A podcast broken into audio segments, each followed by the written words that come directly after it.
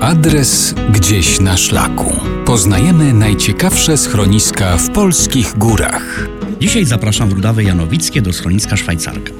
Pierwowzorem był dworek myśliwski na wzór budowli z wyżyny berneńskiej Szwajcarii. Obiekt stojący na zboczu Krzyżnej Góry nakazał zbudować właściciel pobliskiego zamku w Karpnikach Wilhelm von Hohenzollern. Tak oto w 1823 roku powstała Szwajcarka.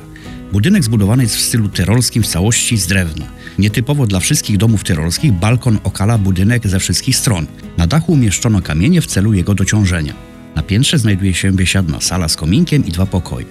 Na dole sprawiano i przygotowywano upolowaną zwierzynę. Gotowe jadło wędrowało windą na stoły jaśnie państwa. Szwajcarka stała się miejscem bardzo popularnym, chętnie odwiedzanym przez gości zamku. W kolejnych latach urządzono i prowadzono tutaj gospodę, z której korzystać mogli wszyscy turyści. Po II wojnie światowej Szwajcarka należała do lasów państwowych, natomiast w 1950 roku obiekt przejęło PTTK i uruchomiło w nim schronisko turystyczne. Tak oto powstała ogólnodostępna baza noclegowa i gastronomiczna. W 1990 roku gospodyni schroniska zamordowała swojego męża i ukryła zwłoki w kanale. Makabrycznego odkrycia dokonała pani z Sanepidu. Wiele zdarzeń i wspomnień powodują w ludziach opowieści o duchach, które tu mieszkają, przez co czynią to miejsce wyjątkowym.